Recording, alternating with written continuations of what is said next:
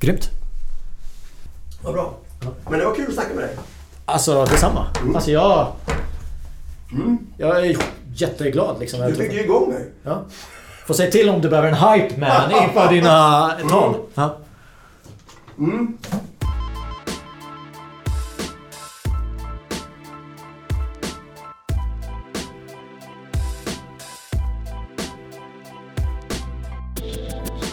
Riksdagen har beslutat att Sverige ska ha netto nollutsläpp av växthusgaser senast 2045.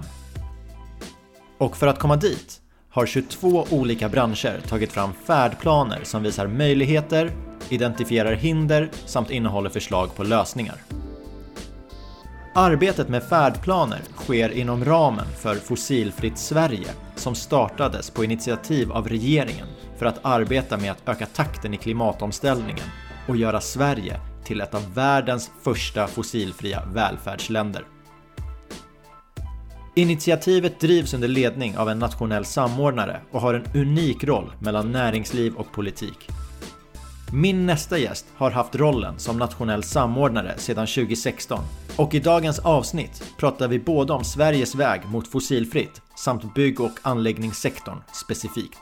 Låt mig presentera Svante Axelsson. Då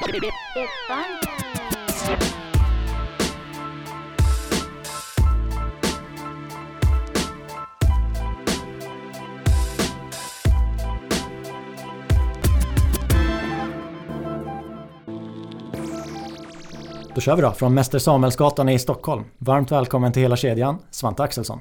Tack så jättemycket. Hur lyder kortpresentationen av dig? Ja, en bra fråga. Den korta, korta, korta är ju att jag är nationell samordnare för Fossilfritt Sverige och tidigare varit generalsekreterare för Naturskyddsföreningen. Eh, Och sen är jag ju agronom och miljöekonom i botten. En bakgrund som miljöekonom. Tänker jag, nu är det ju på alla släppar. Men så har det inte alltid varit för dig då. Nej, verkligen inte. Alltså intressant när man tittar hur det har varit och hur det är. Då, då går det ju fort, även om det är för sent. Eh, så har det hänt så enormt mycket, både hur vi pratar, hur vi resonerar och eh, det som kanske miljörörelsen då sa för 15 år sedan, det är ju på alla släppar idag. Så att en, en VD i Sverige, typ SSAB eller Northvolt eller någon annan, säger ju det som, som kanske jag och många andra sa på 90-talet. Men det där är ju jätteintressant. För kan du då peka ut milstolpar när det förändrats? Eller har, är det en linjär förändring i folks mindset? Nej, jag tror att det är just rycken. Att det är trösklar och man brukar prata om förändringsfönster. När man öppnar upp sig förändringsmöjligheterna och då kan det helt enkelt rassla till väldigt mycket på en gång. Eh, och kriser är ju ofta ett bra fönster. Hur man använder kriser. För Oljekrisen var ju då att då byggde vi kärnkraft och ställde om hela elsystemet. Och sen var det ju en annan kris där vi hade skattereformer och införde en koldioxidskatt och alla oljepannor försvann i fastigheter och hus. Eh, och nu har vi ju inte haft en kris men eh, Elon Musk har ju gjort ett tryck så att helt plötsligt så är det ketchup-effekt i bilindustrin och alla står i kö och vill köpa elbilar fast det är svårt att få tag i. Eh, så att det, det sker ju sådana här, liksom, jag upplever det som ryck. Och industrin har ju jag fått möta i mitt jobb som nationell samordnare. Och hela den här vätgasboomen som vi nu ser kunde vi knappt stava till för bara fem år sedan. Så att det går otroligt fort. Och det är ju att tekniken också utvecklas eh, successivt och blir billigare och billigare. Och helt plötsligt så är den så konkurrenskraftig att den bara ramlar in på marknaden. Och det gäller ju också platt-tv och mobiltelefoner och alla möjliga saker som vi har i vår, vår, vår värld. Så blir det ofta att vid en viss tidpunkt så är det så moget att det tar rubbet. Parisavtalet lyfts ju ofta fram som ja, men en game changer och nu, nu hänvisar man ju ofta till Parisavtalet att vi måste göra det här. Hur stor är den påverkan? Gigantisk. Eh, Det är ett psykologiskt avtal. Det är inget juridiskt avtal. Man åker ju inte i fängelse om man inte sköter sig. Eh, Jag vet själv, jag satt ju och grät där nere under själva klimatmötet. Och det var ju ganska laddat eh, att det blev en sån framgång. Och det framförallt som gjorde att alla grät var ju att tolken som skulle översätta det franska ordförandeskapets slutdeklaration. Hon storlipade i öronen på oss allihopa. Så om man var lite, hade lite ståpäls från början där så blev det ju så, så känslosamt. Eh, och det, det är ju det som är milstolpen i det, i det globala klimatarbetet. Att världen trots allt kunde samla sig runt. Och det är ganska märkligt att man kan. Alltså, länder som nästan krigar med varandra kan sitta i samma rum och enas om kommatecken och punkt och exakta ordformuleringar. Och det var ju lite häftigt ändå att man satsade på att sikta på 1,5 graders temperaturökning. Fast man ju hade världens sämsta mellantid. Så satsade man på världsrekord. Eh, och trodde på forskarna. Och vi är ju inte alls där. Och vi har ju inte alls liksom följt den, det beslutet. Men det sitter ändå kvar som en påle. Och referenspunkt i den diskussion som pågår nu så är det ändå att ja, men vi ska hålla oss till 1,5. Hur långt ifrån vi än är så måste vi tillbaka dit.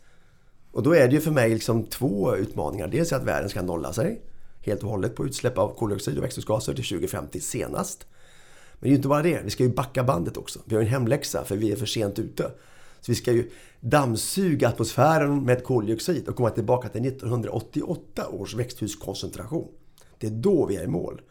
Så först nolla och sen backa. Och därför har vi också industrier som nu börjar prata om klimatpositiva produktionssystem. Stockholm Exergi är ju ett sånt där företag som, som tänker sälja klimatpositiv värme. Och vi ska komma in mer på vad det innebär. Men jag tänkte på en sak. Du, du sa psykologisk mm. effekt. Mm. Men jag tänker att det är väl även ekonomisk. För att genom att Sverige går med i mm. Parisavtalet. Mm. Det blir väl Sverige måste ju göra någonting mm. och för företagen kan ju det innebära bidrag mm. eller avgiftslättnader. Absolut. Vilka ekonomiska delar påverkas av att mm. Sverige är med i Parisavtalet? Nej men det är ju rätt som du säger. Alltså, det är ju en psykologiskt... Menar, alltså, det, är en psyko, det är ju inget... Återigen, Trump kunde vi inte slänga i fängelse för att han, följde, att han struntade i Parisavtalet. Och det är viktigt att komma ihåg att hela världens klimatomställning bygger på frivillighet. Det finns ingen FN-polis. Och därför är ju föregångslandet som vi kommer in på, Sverige, så viktigt. Så vi får efterföljare. Så att ödesfrågan för mänskligheten, den har inga hårda regler. Utan det bygger på att vi i demokratins namn och i diktaturens namn ska göra saker frivilligt. Ingen kan stämma den andra. Och det menar jag på att det som hände, hände var att det gick... De, alltså det som hände var att alla, eller många företag trodde verkligen på att det beslut som togs, fast det var egentligen lösa, lösa formuleringar, har inneburit en en helt avgörande vändpunkt. Och när jag träffade näringslivet, och jag vet jag gjorde det i början på mitt jobb 2016 här som nationell samordnare, så, så, så slogs jag av det att när Heidelbergs då cementindustri sitter och pratar med mig så säger de så att Parisavtalet gäller och vi, ingen kommer att kunna sälja typ cement som inte är klimatneutralt 2035. Då är man rökt på marknaden. För världen har bestämt sig att så här ska det bli. Och då är det bara att hur snabbt ska jag ställa om och hur fort hinner jag ställa om? För marknaden kommer att kräva fossilfrihet överallt. Och det där gör ju att man, i och med att man tror på Parisavtalet, då får det ekonomisk kraft. Både hos kunder, producenter och politiken. Och det är det som jag tycker gäller. Alltså man, har klart för sig att 2050 är sannolikt för sent. Vi har 2045 i Sverige. Vi kanske måste över tid ännu snabbare skärpa målbilden. Och då måste man ju också förändra sina investeringar. Eh, kundernas betalningsvilja och regelverk och politik måste ju följa med här. För att skapa den här lönsamma spiralen. Och hur väl följer politiken med? För att vi gick ju med i det här 2015. Mm. Och då tänker jag att för att nå dit så behöver man ju ta vissa beslut. Och ja. det har man säkert gjort. Mm. Men nu är ju inte utvecklingstakten linjär, vi vet det. Men, men hur ligger vi till? Alltså vi ligger hyfsat till eh, om vi accepterar målbilden 2045. Det finns lite olika tolkningar av vad som är rättvist klimatmål utifrån Parisavtalet. Men Sveriges, om man tänker i mitt jobb så utgår jag från den parlamentariska uppgörelsen. Att det, vi har en klimatlag, vi har ett klimatmål och det är det vi ska nå först och främst. Men jag tror vi kan nå det tidigare. Jag fightas inte just nu om målformuleringen. Men hela förändringen bygger på, jag brukar använda dansmetaforen. Alltså det, det är en dans det här. Uh, ingen kan göra det själv. Utan olika aktörer bjuder upp varandra. Uh, och de som startade partyt var ju verkligen, det var ju politikerna och Parisavtalet. Och sen satte de ner klackarna i golvet och sa vi ska ha klimatneutralt Sverige 2045. Okej. Okay. Och sen kom ju jag in i bilden i min roll som samordnare. Och då bjöd ju jag in branscherna och sa kan inte ni berätta hur det ska gå till? Vi vet ju att skåpet ska stå där. Hur gör vi? Och hur kan vi tillsammans med politiken hitta en, en samverkan så vi kan få lönsamhet i, i omställningen? Och sen har ju näringslivet sprungit så snabbt att de idag ligger före politiken och är så stressade över att inte hinna med. Och det är, det är så spännande att se att miljörörelsen egentligen och näringslivet är lika på att öka tempot. Och näringslivet gör det också av konkurrensskäl. De känner att om inte vi hinner få till en elbil här och en batterifabrik så är vi utkonkurrerade av andra bilföretag. Och SSAB är stressade över att vi måste snabbt få fram stålet.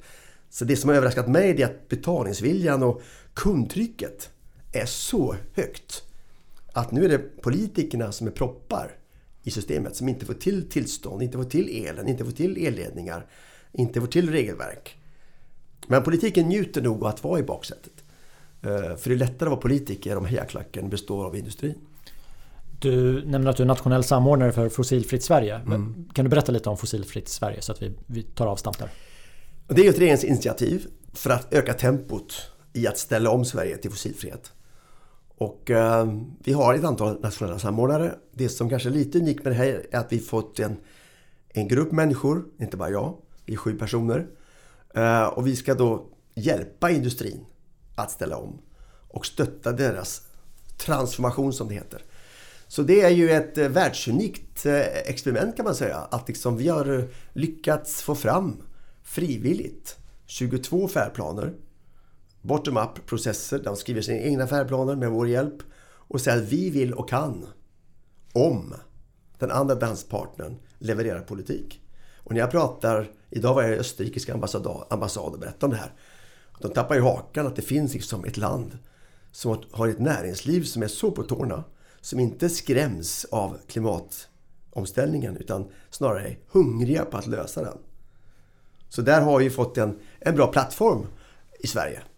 Och Sverige är nog det land i världen som har lättast att fixa det här. Vi har ett ganska offensivt fack, fackföreningsrörelse som tror på teknik och inte är rädd för ny teknik. Många andra fackföreningsrörelser är väldigt rädda för att tappa jobben när det kommer ny teknik. Vi har stark miljörörelse, vi har blocköverskridande uppgörelser. Så att vi ska ju bli världens första fossilfria välfärdsland. Det är ju det som är visionen för Sverige. Jag läste någonstans att initiativet Fossilfritt Sverige ska fortgå till 31 december 2024. Ja, det trodde jag också tills för ett par dagar sedan. Eh, då kom det nya direktiv. Vad? Eh, Berätta. Då ska vi nu utreda möjligheten att fortsätta. Eh, hur vi ska kunna finansiera och hitta en form som inte då bara förlängs år efter år. I don't know. Men det var en överraskning för mig. Jag trodde att det var slut 2024 men nu, nu ska vi utreda en fortsättning för att den signal jag får är att det här stora vi har byggt upp nu med färdplaner, de ska ju genomföras. Det är ingen pappersprodukt. Och det genomförs ju jättemycket industriprojekt i Sverige idag. Eh, så att, nej men det här är nog en resa vi har startat precis och vi vet, vi ska, vi ska gå i mål. Vi ska vara, man får väl lägga ner det när det är klart. Då kan vi skippa min nästa fråga, vad händer sen? För ja, det verkar bli en fortsättning. Men jag kanske inte ska vara kvar hela vägen. Men, eh, men projektet som sådant verkar ju eh, få i alla fall signaler om att vi, vi, ska, vi ska vårda det här experimentet att kunna jobba så nära näringslivet. Fast jag är då betald av staten så jobbar jag ju mest med att eh, stötta och underlätta hinder åt näringslivet och springer ut som en jojo mellan regering, oppositionen och näringslivet. För det undrar jag. Det här är ett nationellt initiativ. Du mm. är nationens samordnare. Mm. Du får betalt av staten. Yes. Hur stor är den politiska inblandningen? Ingen alls. Alltså jag har inte fått en signal. Eh, men jag brukar ju kommunicera att jag kanske går ut på DN Debatt med ett antal aktörer och kritiserar regeringen. Och kanske också lyfter fram vad som är bra. Så jag informerar ju, eh, och även oppositionen, eh, om vad vi kommer ut med för rapporter och så. Men ingen har någonsin eh, styrt mig om vad jag ska göra. Utan jag har ju direktiv, men direktiven är ju ganska breda. Men det där förvånar mig lite för när vi spelar in det här så är vi mitt i en valrörelse. Ja. Och jag får intrycket av att politikerna har ganska olika bild av vad som är bäst för nationen. Ja, i alla fall under valrörelsen. jag tycker att det känns eh, lite spretigare nu än det normalt hörs när man träffar dem. Eh, det är väl så att man artikulerar skillnader när man ska välja mellan olika partier. Och när valet är klart så är man mycket närmare varandra. Eh, så jag hoppas att valet snart är över så vi kan börja jobba igen. För vi måste ha större enighet i parlamentet om industrin ska våga investera.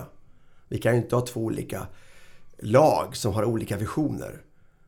Eh, för de här investeringarna ska ju gälla i 30-40 år. Men min bild är ju att vi har olika lag med väldigt spridda visioner. Ja, ja jag tycker att det har spretat iväg eh, nu. Eh, men jag, jag, får se vad som är kvar av den retoriken. Jag lyssnar ganska noga på vad som står kanske mellan orden. Alltså, är, det, är det verkligen löften?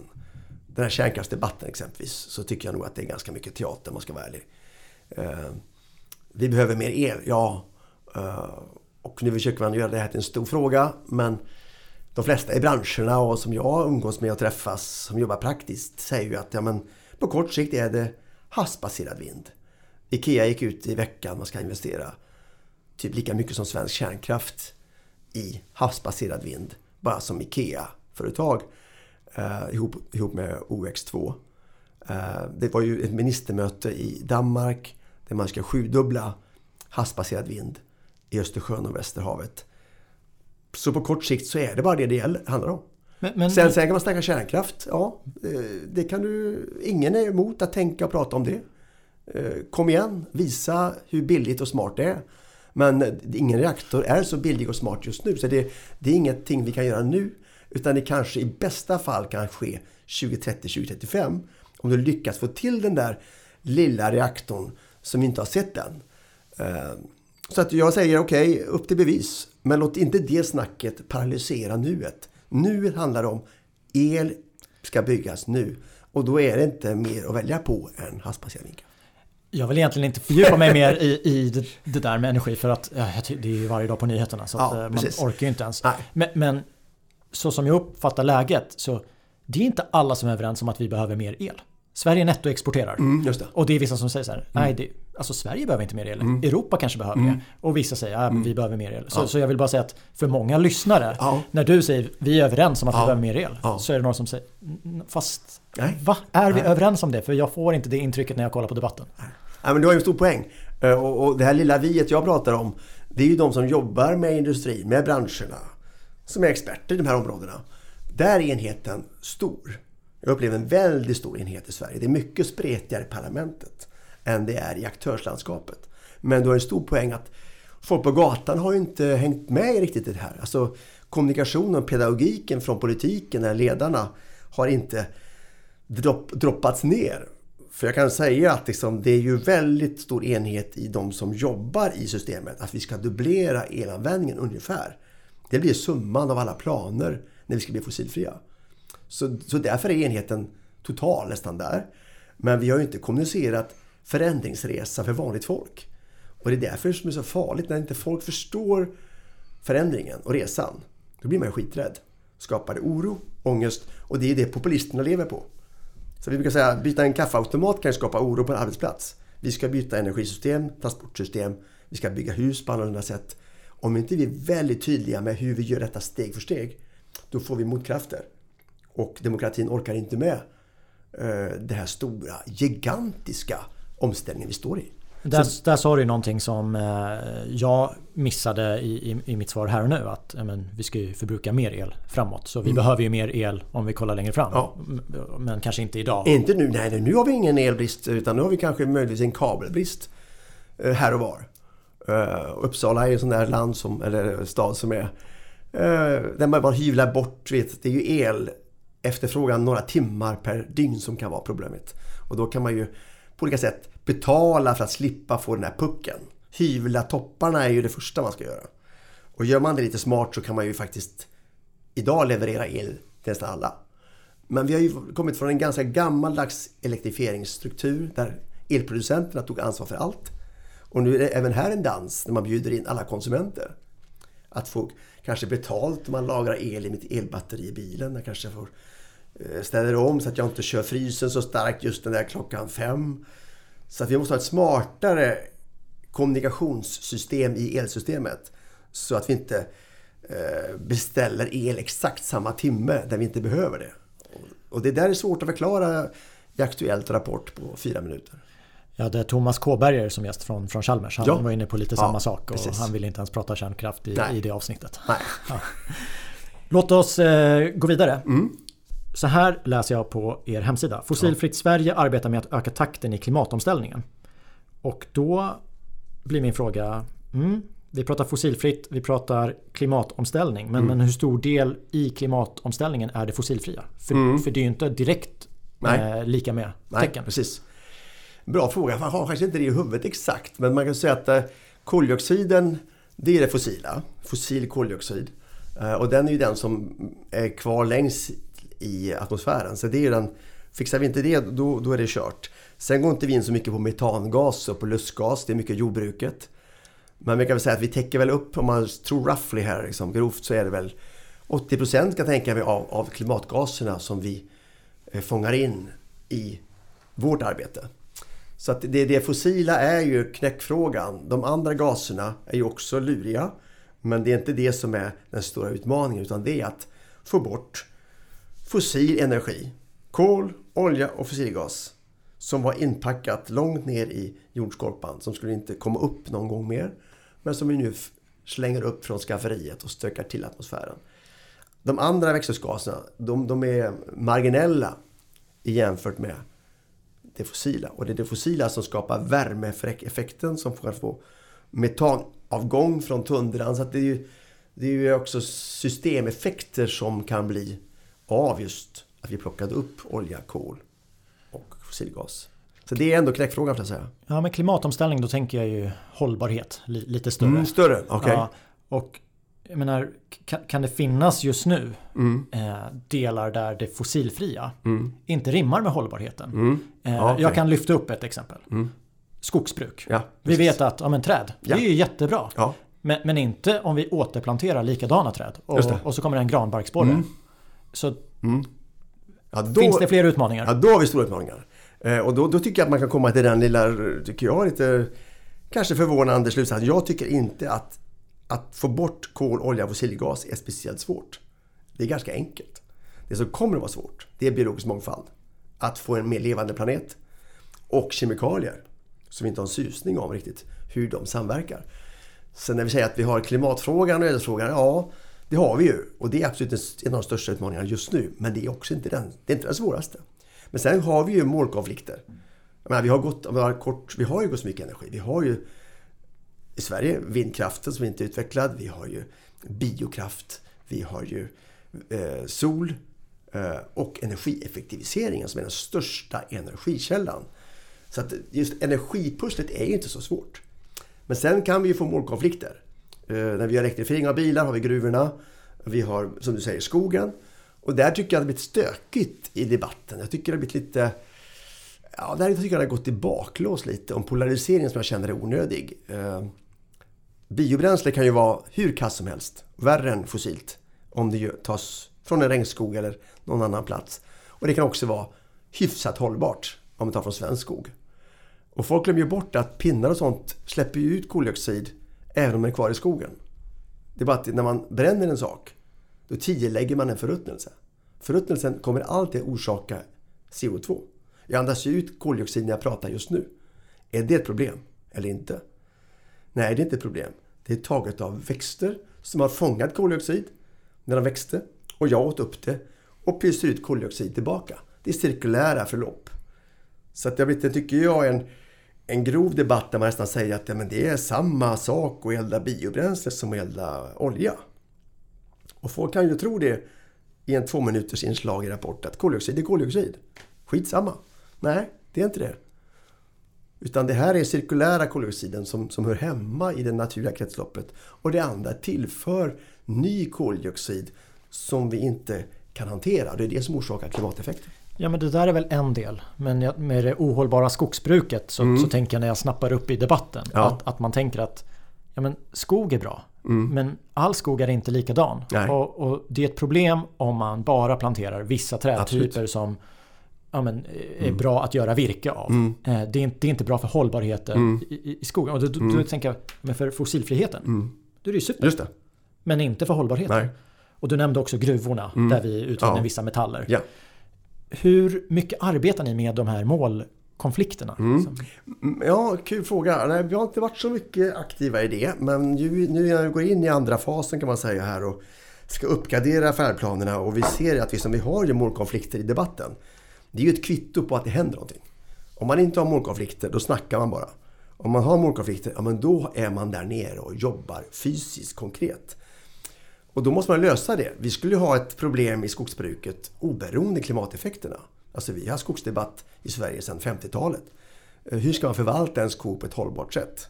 Och det kommer fortsatt vara en utmaning och vi måste säga än mer hitta balansen mellan mångfalden, rekreationen, samernas intresse, uttag av skogsbränsle. Och den, den processen får ju fortgå och förbättra vårt skogsbruk mer och mer. Och det har vi faktiskt gjort jämfört med 50-talets skogsbruk. Samma med gruvorna. Gruvorna måste ju också bli smartare. Det är inte så att gruvindustrin har kommit till vägs ände i teknikutveckling. Utan där kan man hitta cirkulära lösningar på vatten. Man behöver ju inte ha så mycket folk i gruvorna. Man kan elektrifiera gruvorna. Man kan ta ut metaller ur avfallshögarna som ju LKAB nu ska fånga upp. Så att den cirkulära ekonomin måste ju också komma in i all materialanvändning. Vilket inte alls kommit långt i Sverige eller världen. Och vi måste också fixa gruvor som inte har så stor miljöpåverkan på vatten och på, på eh, andra intressen. Så att eh, jag tror att liksom bil, elbilarna kommer nog att skapa ett tekniksprång i gruvindustrin globalt. För vi kommer inte acceptera den vidrighet som pågår. Men vi köper ju datorer, telefoner och sånt. Och det är fortfarande äckliga gruvor, men vi tänker inte på det. Men bilindustrins batterier är så omfattande och så enormt stor att den debatten kommer att göra att vi kommer att betala de i Kongo eller de i, i Norrbotten mer för det vi tar ut och skapa ett hållbarare gruvindustri. Det, det är bara början av, av vår resa för att öka hållbarheten. Jag vill inte kalla det lobbying, men jag tänker så här. Hur intresserade mm. är de du pratar med eh, att prata om definitioner? För jag tycker att de är mm. ganska viktiga. Mm. För det var för några månader sedan i EU-parlamentet. Mm. Då pratade man om, ska naturgas och kärnkraft mm. klassas som hållbart ja, eller inte? Det. Och det var ju på nyheterna. Ja. Och alla var knäppa, mm. eh, vad man än valde. Och jag tänker att det är ju samma här. För att om Sveriges skogsbruk definieras som ohållbart. Det gynnar ju andra byggmaterial. Så om man verkligen brinner mm. för sin affär mm. och det är där man har anställt ja, på det bolaget, hur, vilket miljötänk man yes. än har. Det är ganska viktigt. Mm. Hur upplever du att eh, de du pratar med, mm. det, när du har örat mot rälsen, mm. hur mycket vill man påverka definitionerna av vad som är fossilfritt eller hållbart? Alla har ju ett kortsiktigt ekonomiskt intresse. Uh, och i sin första runda så, så positionerar man sig där den kloka ledaren, det kloka företaget tänker ju att den här är bara en pyrrhusseger. Att liksom, vi måste ju tänka långsiktigt. Vi måste tänka på planeten. Vi måste ta in naturvetenskap. För att bara tro att vi lyckades förhandla om den här texten. Det är bara en kortsiktig njutning. Sen kommer vi tillbaka med än större kraft. För naturen kompromissar ju inte. Den reagerar ju som den gör. Och då kommer ju opinionen att bli så grymt stor. Så jag tycker nog att den här insikten om att vi måste skapa mer biologisk mångfald i skogen, det har accepterats av alla. Eh, vi har en diskussion om, om bättre gruvor. Ja, det kommer jag också ha accept för och folk får betala lite mer. Men jag tror att det här med hållbart är för mig, det är som himlen. Vi kommer aldrig dit riktigt. Alltså. Det, är en, det är en orimlig definition. Ett hållbart samhälle, det är vi långt ifrån. Det intressanta är, kan vi vara mer hållbara än idag? Och kan vi öka tempot mot ökad hållbarhet? Elbil är inte hållbart, biogas är inte hållbart, ingenting är hållbart. Utan det är bara mer eller mindre miljöpåverkande. Så att det där med svart eller vitt för mig finns ju inte och därför ska man inte slarva med begrepp och säga vi är hållbara. Nej, det är det absolut inte. Eh, det här är ett hållbart fiske, det här är ett hållbart skogsbruk. Nej, det är inte hållbart. Du kan vara mer hållbar än någon annan. Och det tycker jag svensk skogsbruk är. Men det innebär ju inte att man kan vila och tycka okej, okay, jag är färdig, fine, jag ska ha beröm. Utan det är en lång resa kvar. Men när man då kommer i det här så blir ju frågan, är den här produkten bättre att använda än den produkten? Båda är ohållbara, men i olika grad.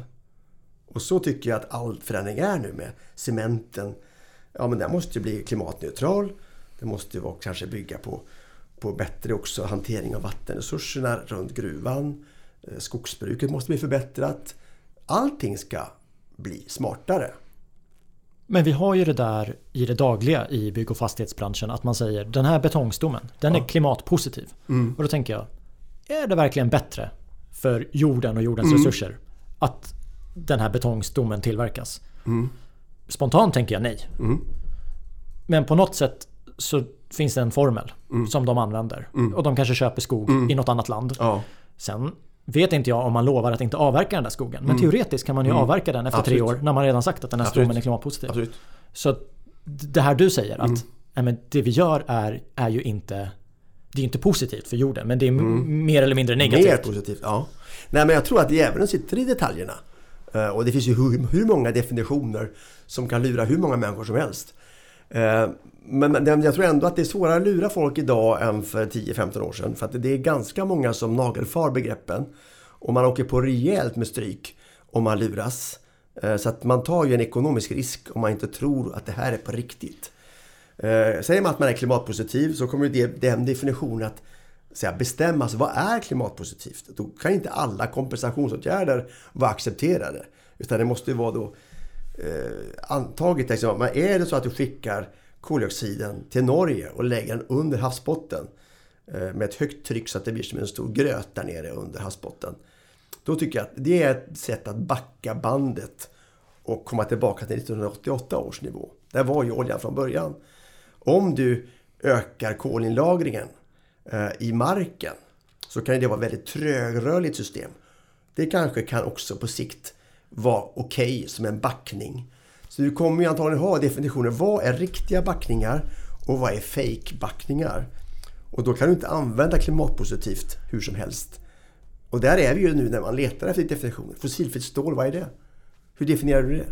Ja, det är definitioner det också. Vissa vill ju tycka att det kan räcka med att man kanske kör lite koldioxid och eh, infångning på en masugn. Nej, men det är inte fossilfritt. Det är ju fossilt i den produktionen.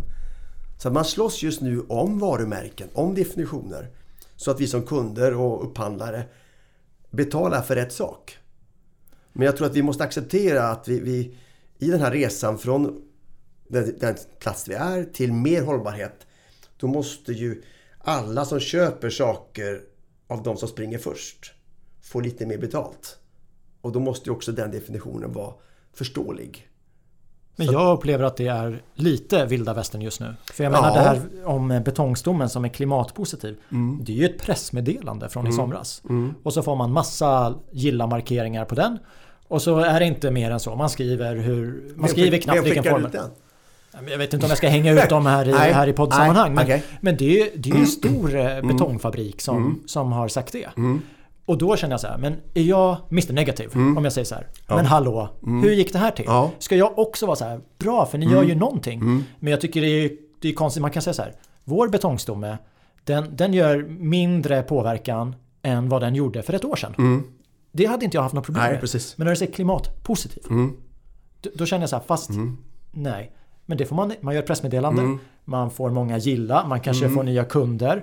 Det är ingen som kollar att, eh, jag, antar att man har köpt skog någonstans eller utsläppsrätt eller någonting Ja, antar jag. Men vem kollar så att man inte säljer vidare den skogen? Ja. Om, och, och det är det jag undrar, hur, jobbar ni med sånt? För att som konsument, vi behöver ju hjälp. Ja. Vad kan Nej, vi, vi, kommer ju, vi kommer ju att ha alltså det, det är orden och begreppen och definitionen. Det kommer ju vara rörlig materia eh, över tid. Så vi kommer inte undan allt det här.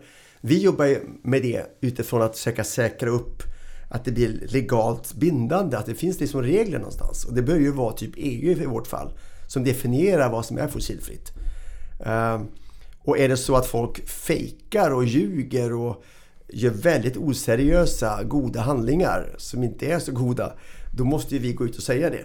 Ehm, och, och media är ju ganska pigga på att leta efter sån typ av, av avslöjanden. Så att jag tror att jag tror att det ändå är många företag som idag är väldigt skraja för att skryta utan att ha solid mark att stå på. Eh, Och säger man klimatpositiv cement, då skulle jag vilja se hur, hur gör man det? Eh, Klimatneutral cement, ska jag säga, det kan man ju skapa. Hur? Ja, det som är naturligt nu som är nästa steg det är att man binder koldioxid. Alltså man fångar upp koldioxiden från skorstenen.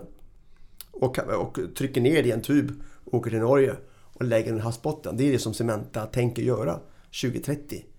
Eh, man kan ju däremot skapa bättre betong genom att eh, ha andra bindemedel. Eh, man har ju också klimatneutral asfalt där man lägger in mycket biomaterial istället för fossilt material. Så att man behöver inte ta i sig man skriker för då kan det ju bli backlash. Utan om man säger som du säger, vi ska, vi ska berätta att vi är bättre på följande sätt. Och vilket begrepp vi använder där ska vi nog vara lite försiktiga med. Så att när jag hör klimatpositiv då, då, då osäkrar jag min revolver lite och tänker, vad har han gjort nu då? Klimatneutralt, det, det, men eh, positivt, då, då krävs ju att man är väldigt tydlig och kan bevisa att det, att det är en backning av växthusgaser. Köper jag den här produkten så minskar jag totalt utsläpp i atmosfären. Jag reagerade på det för att i betongsammanhang är jag van vid att man säger grön betong. Mm, och en grön betong, ja men den är lite mindre dålig än vanlig. Ja. Sen säger man grön, vilket jag tycker så här, ja men det låter det låter ju nästan mm. som att det växer i skogen. Just det. Eh, så det är lite lurigt. Men samtidigt så är jag jätteglad mm. över att branschen faktiskt gör någonting. Ja. På eget initiativ. Ja. Man ser en affär i det. Mm. Men klimatpositiv betongstomme kände jag. Mm. Ja, då började jag genast tänka okej okay, men vilka mer siffertrixande ja, finns det? det? Det får inte bli att man på något sätt räknar hem saker redan idag. För vi har en resa att göra. Vi kan ja. bli mycket bättre. Ja, visst, visst. Och om du säger klimatpositiv redan idag. Mm. då behöver inte du göra någonting Nej. imorgon. Du Nej. gör ju redan någonting ja, bra. Precis. Nej, jag håller med. Det gäller att vara försiktig där. Men samtidigt inte vara så sur och så snål att man inte kan berömma de som går i rätt riktning. Och skulle jag guida ett företag som säger vi tänker skryta rejält om det här steget vi gör. Ja men skryt inte så mycket att du får en pseudodebatt om att du har ljugit. Då, då, då döljer du den goda handlingen. Utan säg det du gör och stå för det. Det, det, det, är, det är cred nog. Så det finns väl en, en, en risk. Men jag upplever typ att nästan företagen är mer rädda att överhuvudtaget berätta att de gör bra saker för att de, de är rädda för att åka på en snyting. Så jag brukar säga, men skryt mer av vad du gör. Du gör ju jättemycket saker. Stå upp och gör det. det. Det stimulerar folk att själv göra goda saker och det skapar hopp i systemet. Om alla mörkar med alla kul grejer de gör så tappar ju alla sugen. Så jag tycker generellt sett att företagen är för tysta om att berätta att de gör bra saker.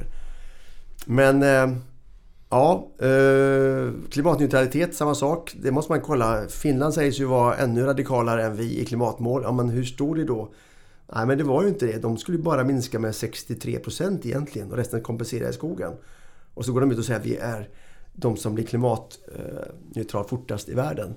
Så att det med klimatneutralitet är också då hur mycket är de faktiska minskningar och hur mycket är kompensationsåtgärder.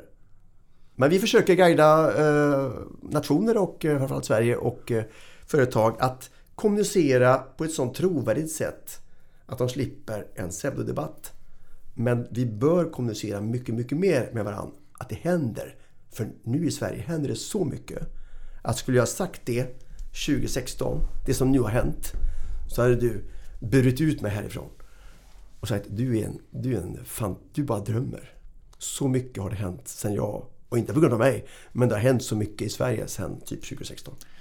Vi ska komma in på färdplaner. Mm. Innan vi gör det så tänker jag att sen 2016, som vi bara går tillbaka ja. något år. Det som har hänt är att vi har ett fruktansvärt krig i Europa ja. som påverkar leveranser av timmer. Mm. Yes. Och sen har vi Slite, Gotland, yes. som, som påverkar mm. ja, cementåtkomsten. Ja. Eh, hur mycket påverkar sådana här saker arbetet med klimatomställning? Att när det blir saker som rubbar verkligheten och man kanske blir lite skraj. Ja.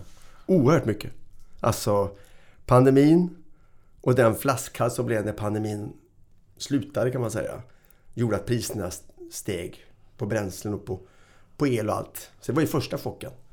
Och sen kom det djävulska kriget av Putin och det skapade ännu mer prisökningar. Och det som har hänt, om vi går in till valdebatten igen, så är det att människor tror att den här prisökningen som har skett är orsakat av klimatpolitiken. Och då blir man ju enormt nervös. Aha, är det här effekten av att vara världens första fossilfria välfärdsland? Nej, det är det inte. Och där fightas ju retorikerna här om, om Putinpriser eller om det är Magdapriser. Magdapriser och så. Va? Vad har vi för något då? Nej, men vi har ju Eh, utan eh, Putin och utan pandemin hade vi inte haft en diskussion om elpriser. Vi hade, vi hade inte diskussion om, om bränslepriser. Det är därifrån det har, har skapats. Eh, Man kan inte räkna hem att liksom, svensk klimatpolitik har orsakat elprischock i hela Europa. Det är ju helt sjukt. Eh, alla har ju fått elpriser, oberoende av svensk klimatpolitik, eller norsk, eller dansk eller fransk. Det är elpriser som är hysteriska. Eh, så att det är ju ingen som tvivlar på att det är Ukraina-krisen som sätter hela EU i en svår situation. Det är ju inte svensk klimatpolitik. Men eh, så det har blivit en enorm störning och när det är valår i kombination med det här så, så är det det som, som skapar nu eh, helt också sjuka förslag om man ska få 60 miljarder i, i kompensation eh, när vi ska ställa om ett land. Så ska man betala företag och människor att konsumera el när vi behöver svara, spara på el. Så det, det finns ju mycket här som har stökat till det. Men jag håller fast vid att om vi lugnar ner oss lite och låter valet gå över och, och, och blir kloka och samlar oss igen och tar ansvar så finns det en enhet om hur vi kan ta oss vidare. Men helt klart eh, har hela EU fått sig en chock. Men det kan också vara så att den enda trösten i bedrövelsen är att Putin-kriget kommer, om vi sitter här om tio år, säga att hela EU blev fossilfritt snabbare. På grund av Putin också. För att vi kommer att forcera investeringarna. Det som ni hörde om ministrarna här som skulle sjudubbla eh, vindkraftsinvesteringarna i Östersjön. Det var ju på grund av Putin i allt väsentligt. Och Putins eh, hot ger större handlingskraft för politiken än klimathotet. Så det kommer, när vi kanske summerar det här om tio år, så skulle jag tro att energi och trafikomställningen har gått fortare. Men hur orolig är du? För att om jag får berätta om mig själv. Ja. Om jag betalar en krona per kilowattimme mm. eller 1,20. Mm. Precis samma sätt som betalar jag 20 kronor litern för bensin ja. eller 22. Ja. Jag är i en position där jag säger så här, men det, det är helt okej okay ja. om det här snabbar på Sveriges klimatomställning och gör bättre för, för klimatet. Mm. Men om jag ska betala 7 kronor per mm. kilowattimme mm. och nu hör jag dig. Mm. Det är inte miljöomställningen. Men eftersom att vi har den mm. retoriken ja. ute. Att ja. det är det är Magdapriser, det är ja. Miljöpartiet. Ja.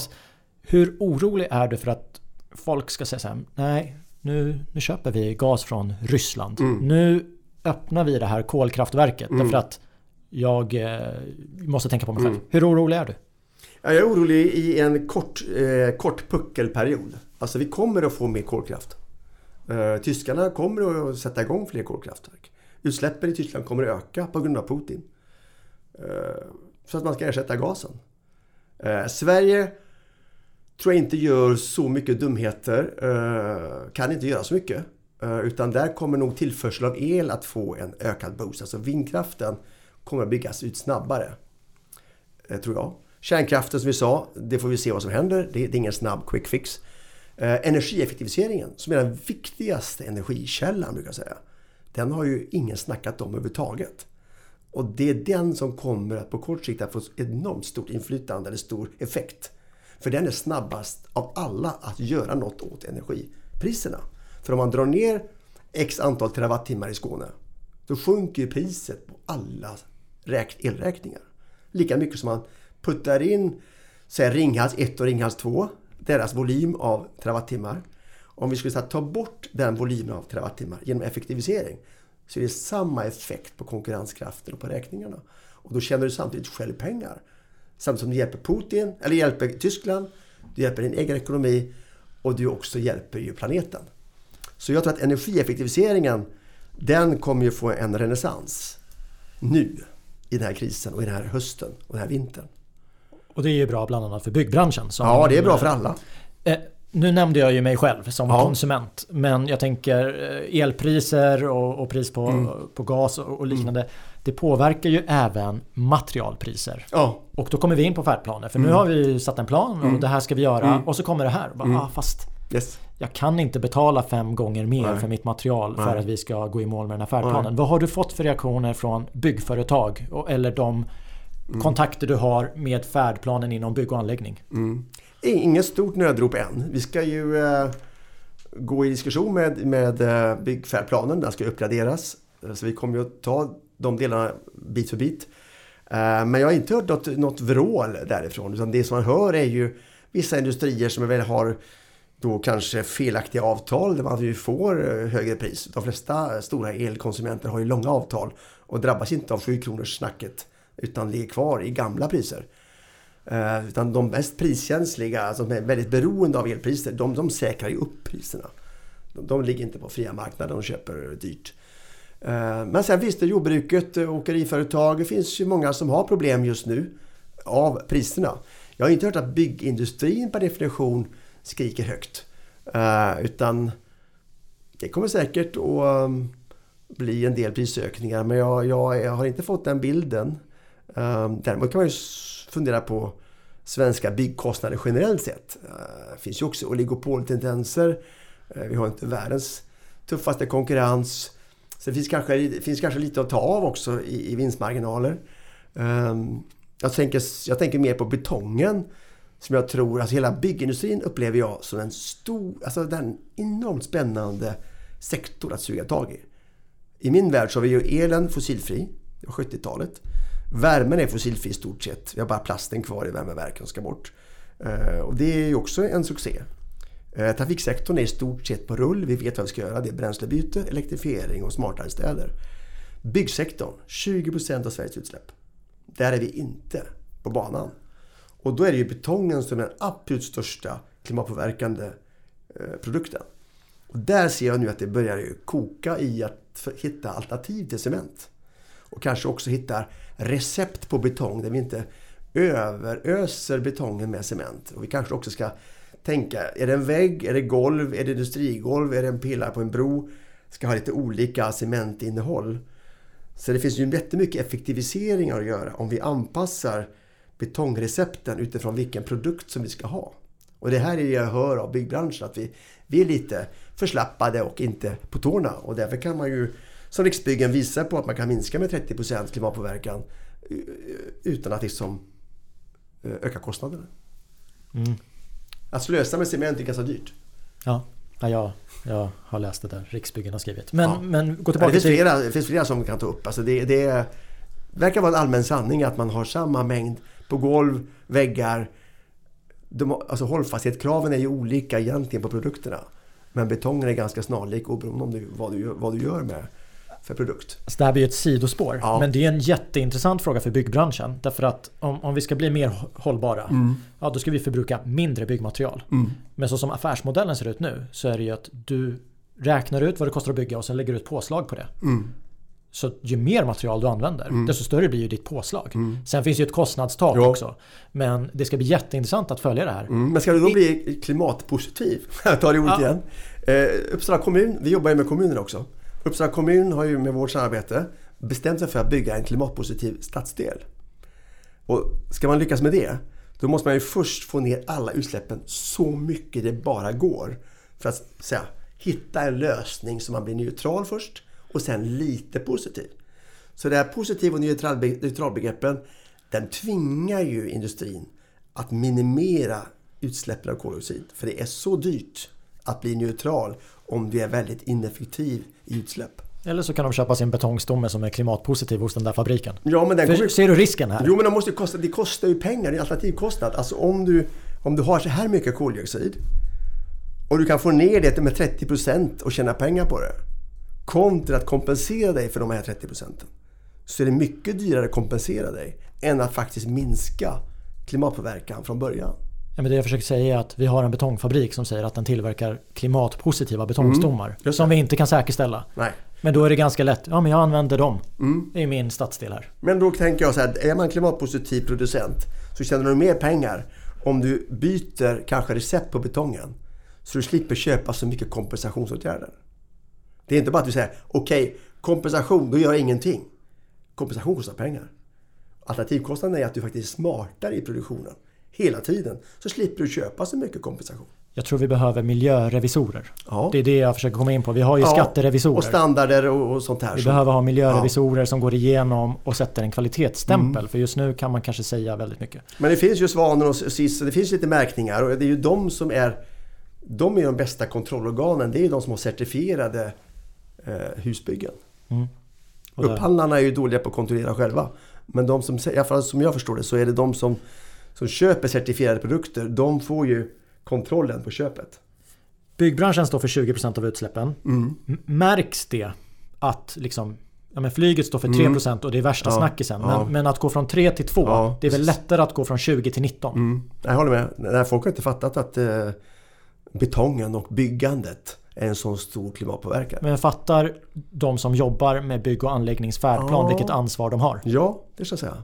För, de... men du sa, för, för du sa så här, de har inte skrikit till än. Jag känner så här, har man satt lite för lätta mål? Nej, jag tycker inte... Ja, lätt, återigen, allt skulle gjorts igår kan man säga. Eh, men jag tycker att de är kaxiga. Eh, de har sagt halvering av byggsektorn till 2030.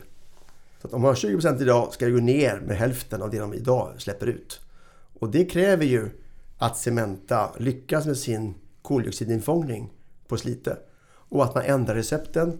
Och kanske också kan man ju säga att bygga är ju inte alltid det smartaste och miljövänligaste utan det är ju intressant att vi kan använda husen som är byggda på ett smartare sätt. Så den delen i att kunna se hur...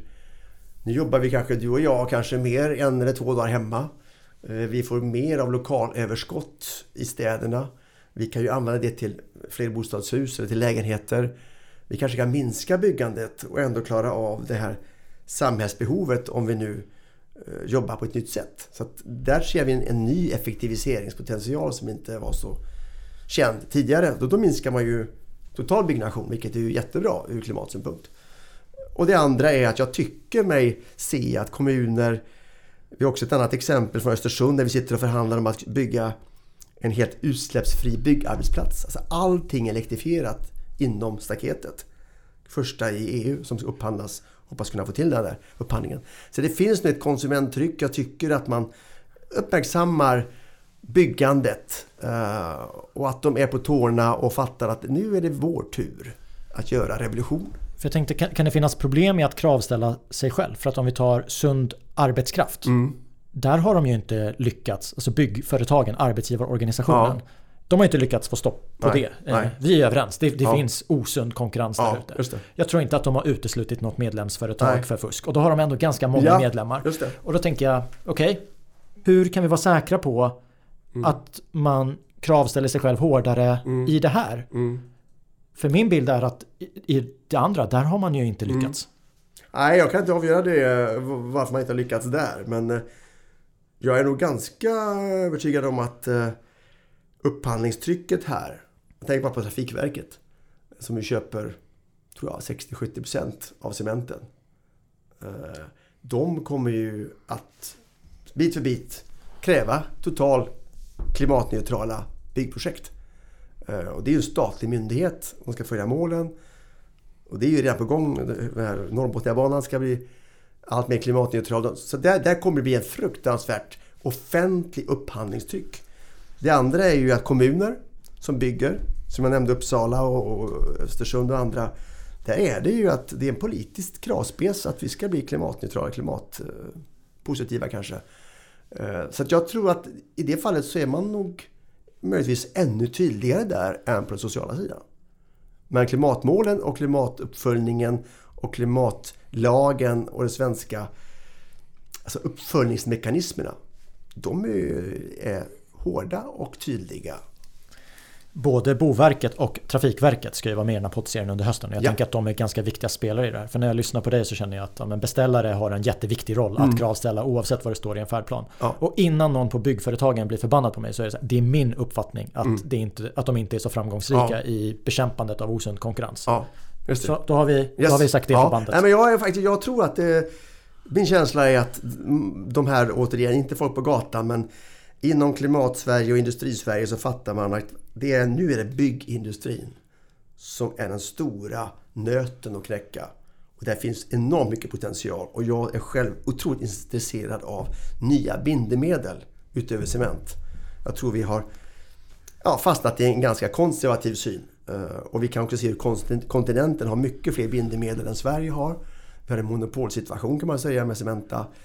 Och det finns jättemycket forskning på andra bindemedel. Så att, eh, jag tror att det här kommer att vara en, ett sånt här område där man kommer att sitta om tio år och tänka Shit vad det hände mycket! Och vad trångsynta vi var när vi pratade om det i början. Bindemedel, det är det vi ser som ja. game changer inom ja. bygg. Det är nästa stora... Alltså, vad var det som hände i, i bilindustrin? Det var batteriet kontra förbränningsmotorn. Det är ju bindemedlen som är den största utsläppsprodukten i ett bygge. Eh, och där, där finns det ju numera finns det ju teorier, ja, det finns, teorier, det finns praktiska exempel på inte minst stålindustrins eh, restprodukter av ljusbågsugnar som man är, när man gör fossilfritt stål. Eh, gör ju jättemycket, eller får jättemycket restprodukter som är otroligt intressanta som bindemedel. Så att de här sektorerna börjar hitta också värdekedjor. Hur kan vi jobba ihop? Gruvnäringen i LKAB där hittar ju fosfor som jordbruket kan köpa. De här värdekedjorna är ju en, en slags också game changer. Att man, man jobbar horisontellt i affärsmodeller. Eh, och då kan man få lönsamhet. Återbruk av material? Ja, cirkularitet är ju... Där har vi inte ens börjat. Säga. Vi är ju långt efter. Holländarna är ju långt för oss. Eh, det finns ju många sjuka historier om hur man fraktar bort asfalt som sen egentligen skulle kunna användas direkt på platsen och, göra om det till ny asfalt. Eh, man kör alltså, cement Eh, rivningsmaterial kunde krossas och användas direkt in i ny cement. Det cirkulära måste bli mycket, mycket, mycket bättre. Batterier, samma sak. Alla batterier måste tillbaka till fabriken. Ungefär som aluminiumburken. Eh, så att ska vi klara av det här med resurshantering och en planet och 10 miljarder människor. Då måste det cirkulära komma mycket, mycket längre. Men det är ju mycket större fråga än det fossila. Återigen, fossilt ska jag säga, är en enkel match egentligen. Men att sen säga att all materia, alla resurser vi använder, om det nu blir mer rika människor i hela världen, då, vad, vad tål ekosystemet? Då är vi tillbaka till havet, till skogen, till jordbruksmarken, till våtmarkerna. Allt det där ska ju bära 10 miljarder människor. Då måste vi bli mycket, mycket smartare i all materialanvändning. Och vi pratar om det och jag, jag blir laddad när du, mm. när du säger det du säger. Mm. Samtidigt så var jag på en byggarbetsplats. Mm. Sveriges mm. största byggentreprenör i december mm. förra året. Och projektet är slut och mm. de fyller containern med oanvända saker som de slänger. Och så frågar jag varför gör ni det här? Ja. Nej men vi har en policy att vi får inte ta hem Nej. saker som är oanvända. Okej, okay. men sälj det då. Mm. Ah, men du, vi är ett byggföretag. Vi, vi håller inte på med den Nej. hanteringen. Nej. Och jag ser det här, container efter mm. container. Mm. Som nybliven husägare mm. så vet jag dels hur mycket pengar det är. Mm. Men sen så känner jag, de har ju en hållbarhetsredovisning. Mm. På vilken sida hamnar det mm. här? Och det är den här bilden många lyssnare av den här podden har. Att vi gör det där. Och så pratar vi om att vi ska återanvända ja. material i stor skala. Ja. Alltså vad, vad finns verklighetsförankringen? Nej men det, det, så kommer det inte vara. Det kommer inte, alltså när vi berättar om det här om, om tio år så kommer det inte vara så. Eh, det är helt ohållbart. Det kommer inte funka rent ekonomiskt. Vi kan bara se den här kåken. Här är ju alla möbler cirkulära produkter. Det är, det är återanvända produkter. Eh, så det, det kommer bli en enorm marknad på cirkularitet. Men vi har ett problem att Sverige har en ganska fyrkantig och förenklad syn på avfallsbegreppet. Och har man då fått en stämpel på att det är ett avfall, ja men då går det in i en speciell kanal. Och då är det svårt att få cirkulära lösningar om det är avfallsstämplat. Så att avfallsbegreppet borde försvinna som begrepp. För det dödar ett cirkulärt tänkande. Utan vi måste tänka att allt material måste gå tillbaka. Om det inte är totalt giftigt förstås, då ska det bort ur systemet. Så att jag tror att Sverige är långt efter, om man ser på exempelvis Holland, eh, på hur man cirkulerar material. Och det här kommer ju, som du säger nu, låter ju hål i huvudet och det kommer ju inte att, att vara så. Eh, för det kommer finnas aktörer som kan fixa marknadsförsäljningen om jag säger jag kan inte hålla på och sälja grejer. Nej, men det gör han där borta. Han vill ha det här. Du kan få cash. Han hämtar åt dig. Och han har en marknadsplats för de som vill köpa de här sakerna. Så det saknas ju spelare i marknadstorget som gör de här affärerna. Och de är på väg upp. Vi spelar in det här i september 2022. Vi vet vart vi ska. Ja. Sen om det till 2030 eller 2045. Mm. Det, det, det, vet vi inte. Men, men, på vägen dit. Mm. Vilka stora utmaningar ser du? Egentligen är den största utmaningen praktiskt är kompetens. Vi har inte folk i landet som kan det här. Typ bygga fabriker, bygga batterifabriker eller vätgassamhället är en helt ny kompetens. Eh, bygga mer i trä, också kompetens. Elektriker, ingenjörer. Vi har brist på kompetens. Det är nog det största hindret skulle jag säga. för att genomföra färdplanerna. Inte elen och allt snack om elledningar och allt det där. Det här är på gång. Det är, det, det är ett känt problem och vi är på bollen. Vi kommer lösa det. Men kompetensfrågan är inte på dagordningen. Jag, jag hade skrivit här på mitt papper tillståndsprocesser och infrastruktur. Mm. Då stryker jag dem. Nej, tillståndsprocesser har med tid att göra. Uh, och den är absolut, och, men det är återigen, tiden hänger ihop med kompetens. Alltså får du inte fram ingenjörer kan du inte bygga fabriken så fort. Eh, och kan vi inte ha folk som kan elledningar så kan vi inte bygga elledningar. Så det, det, tillståndsprocesserna är absolut för långsamma och där är, där är vi på bollen. Eh, och det kommer att gå fortare och vi kommer att förenkla. Och det finns exempel. Bara, och, eh, Henrik Henriksson byggde ju nu H2 Green Steels ansökan för att bygga fabrik i Boden. Sex månader. Det kan ta flera år normalt sett. Men han hade en annan arbetsmetod. Jag tror att vi är på gång att hitta nya sätt att eh, förkorta tillståndsprocesserna. Jag säger inte att det är löst, men där är vi på bollen. Och alla är verkligen sugna på att lösa det där. Men det går inte att få en snabb process att ställa om Sverige om vi inte har folk som kan grejer. Nej. Nej. Hur hoppfull är du? Mycket hoppfull på Sverige. Litet land. Vi känner varandra. Vi är ganska eniga om att vi ska framåt. Och det viktiga är, industriledarna har bevisat att de tjänar pengar på om vi ökar tempot. Och när den logiken finns att Sverige får bättre samhälle, bättre skatteunderlag, bättre stadsluft, mer hållbara företag och mer jobb om vi ligger i framkant. Att vi har sådana VD i Sverige, det är världsunikt. Och då är det lätt att vara politiker och röja undan hinder. Globalt är jag inte optimistisk. Alltså vi har helt otroliga ledare som är korrupta och eh, ja, Xi Jinping, Putin, Bolsonaro, för att nämna några. Eh, det är ju katastrof. Och det enda sättet att provocera de här länderna, det är att vi får det mycket bättre materiellt. När det blir känt att Sverige är ännu bättre på välfärd, ännu bättre land att bo i på grund av fossilfriheten. Det är då det klickar till i huvudet på vilken människa som helst. Om man är diktator eller om man är folkvald. De kineserna vill också skapa ett bättre samhälle till sina, eh, sin befolkning. Eh, och de börjar ju fatta att liksom, om vi inte förändrar vårt samhälle i likhet med de fossilfria länderna, då kommer inte vi att kunna konkurrera på världsmarknaden. Och vi kommer att få så mycket kriser och så mycket uppror och upplopp att vi inte kan behålla stabilitet som är Kinas absolut viktigaste fråga.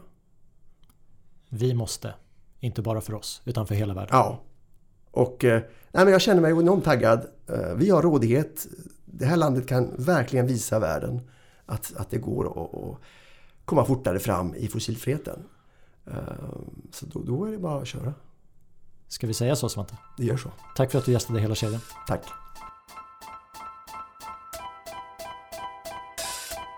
It's fun.